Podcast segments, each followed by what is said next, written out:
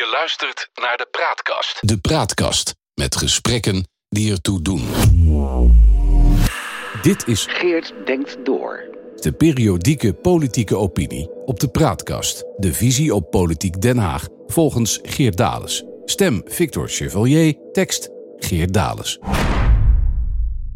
Dat oorlogen het beste in mensen naar boven halen is een historisch gegeven. Medemenselijkheid, moed, trouw en opofferingsgezindheid, desnoods met gevaar voor eigen leven. Ook in de actuele oorlog in Oekraïne zien we elke dag indrukwekkende voorbeelden hoe mensen tot grote hoogte van humaan en dapper optreden kunnen stijgen. Met de president van het land, nog niet zo lang geleden als voormalig komiek door vrijwel niemand serieus genomen, als meest tot de verbeelding sprekend voorbeeld. Ook zijn er altijd meelifters. Lieden die zich graag nestelen in de schaduw van dappere personen of schokkende gebeurtenissen om een graantje mee te pikken voor eigen gewin. Kijk mij eens! Ook dat zien we in de actuele oorlogssituatie. Dat de oud-commandanten der Nederlandse strijdkrachten, Dick Berlijn, Mark de Kruijf en Peter van Um, geen gelegenheid onbenut laten om hun diepe krijgskundige inzichten te etaleren voor de camera's en microfoons, van welke omroep zich ook maar meldt, het valt nog in die zin te billijken dat enige duiding van de ontwikkelingen in de Oekraïne door militaire vakexperts nuttig kan zijn. Vraag je je wel af hoe het mogelijk is dat zoveel gebundelde deskundigheid het Nederlands leger niet heeft kunnen behoeden af te zakken tot een weerloos gezelschap dat wegens munitiegebrek pief, paf, poef moet roepen tijdens oefeningen. Pas als ambteloos burger vertellen ze vrij uit dat er dringend orde op zaken moet worden gesteld, nu de Russen bij ons om de hoek laten zien waartoe ze bereid en in staat zijn. Waarom niet eerder met de vuist op tafel geslagen en desnoods afgetreden als regering en parlement niet thuisgaven? Ergerniswekkender zijn de meeliftende ex-bewindslieden die de Oekraïnse catastrofe aangrijpen om de schijnwerpers weer eens op zich gericht te weten. Nederland was Joris Voorhoeven en zijn Srebrenica-deconfituur langzamerhand vergeten. Maar daar was hij weer. Bij het deugdprogramma M Inmiddels terecht van de buis gehaald, kwam de oud-defensieminister vertellen over zijn dappere 19 uur durende autorit naar Polen om daar een aantal Oekraïense vluchtelingen op te pikken en onder te brengen in zijn Duitse vakantiehuis. Waarom doe je dat niet in stilte? was het eerste dat in mij opkwam.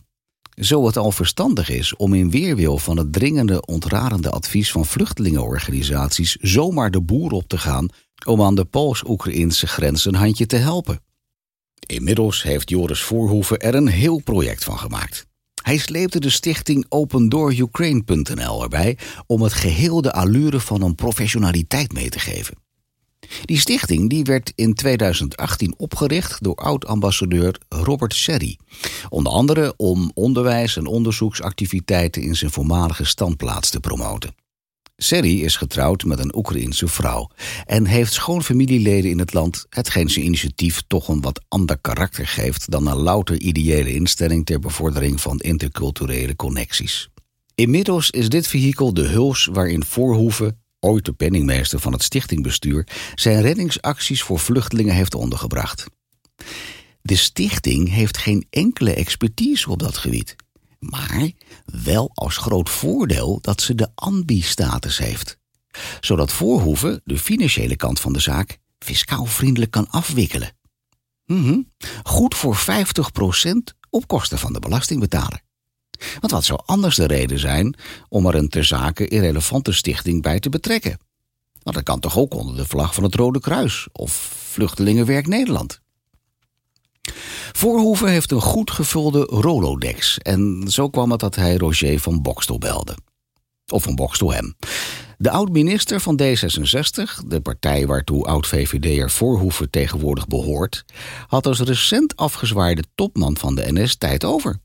En ook hij stapte in de auto en reed naar Krakau. En daar lukte het hem om, zwaaiend met de logo van Voorhoeven Stichting OpenDoorUkraine.nl, enkele vluchtelingen aan boord te krijgen en naar Nederland te brengen. Ook Van Bokstol koos ervoor dit niet in stilte te doen, maar in het volle licht van de schijnwerpers. Bij tv-talkshow op 1 zat de oude bewindspersoon ostentatief getooid met een polsbandje, annex horloge in de kleuren van de Oekraïense vlag, uitgebreid te vertellen hoe goed hij bezig was geweest. Als het niet zo'n diep trieste kwestie had betroffen, zou ik in lach zijn uitgebarsten toen hij met een geveinsd empathische blik vertelde over de weldoenerij van zijn partijgenoot Voorhoeven. Ongelooflijk wat hij allemaal achter de schermen doet, ook met gehandicapte kinderen. Achter de schermen. Jammer dat Voorhoeven door zijn partijgenoot werd geout als goed mens. Dat had hij vast niet gewild. Op de vraag of hij zulke acties niet beter aan professionals kon overlaten, antwoordde Van Bokstel: nou, Misschien wel, maar je ziet wat er gebeurt als je zegt: Ik ga het doen. Je huurt een bus, je krijgt allemaal spullen van iedereen en je gaat. Ja, dat is dus precies wat de professionele organisaties dringend afraden. De volgende oud-bewindspersoon heeft zich alweer gemeld voor een rondje publiekelijk deugen. Oud-staatssecretaris van Justitie Fred Teven. Ook hij was gebeld door Voorhoeven, zijn oud-partijgenoot. De VVD'er mocht bij SBS 6 in het programma Half Acht van Johnny de Mol komen vertellen over zijn voornemen om binnenkort met een hele touringcar, Fred was een tijdje buschauffeur geweest, naar Polen te rijden om die daar vol te laden met Oekraïnse vluchtelingen. Ik wed dat we over een week of twee, als Steven terug is met zijn bus, via alle media zullen vernemen over zijn wederwaardigheden. Waarna Voorhoeven weer naar de Rolodex grijpt om de volgende te bellen. Hmm, ik geef Job Cohen een kans. Ook die loopt nooit weg als de camera's zijn goede daden willen vastleggen. Was getekend Geert Dales, 23 maart 2022. De Praatkast.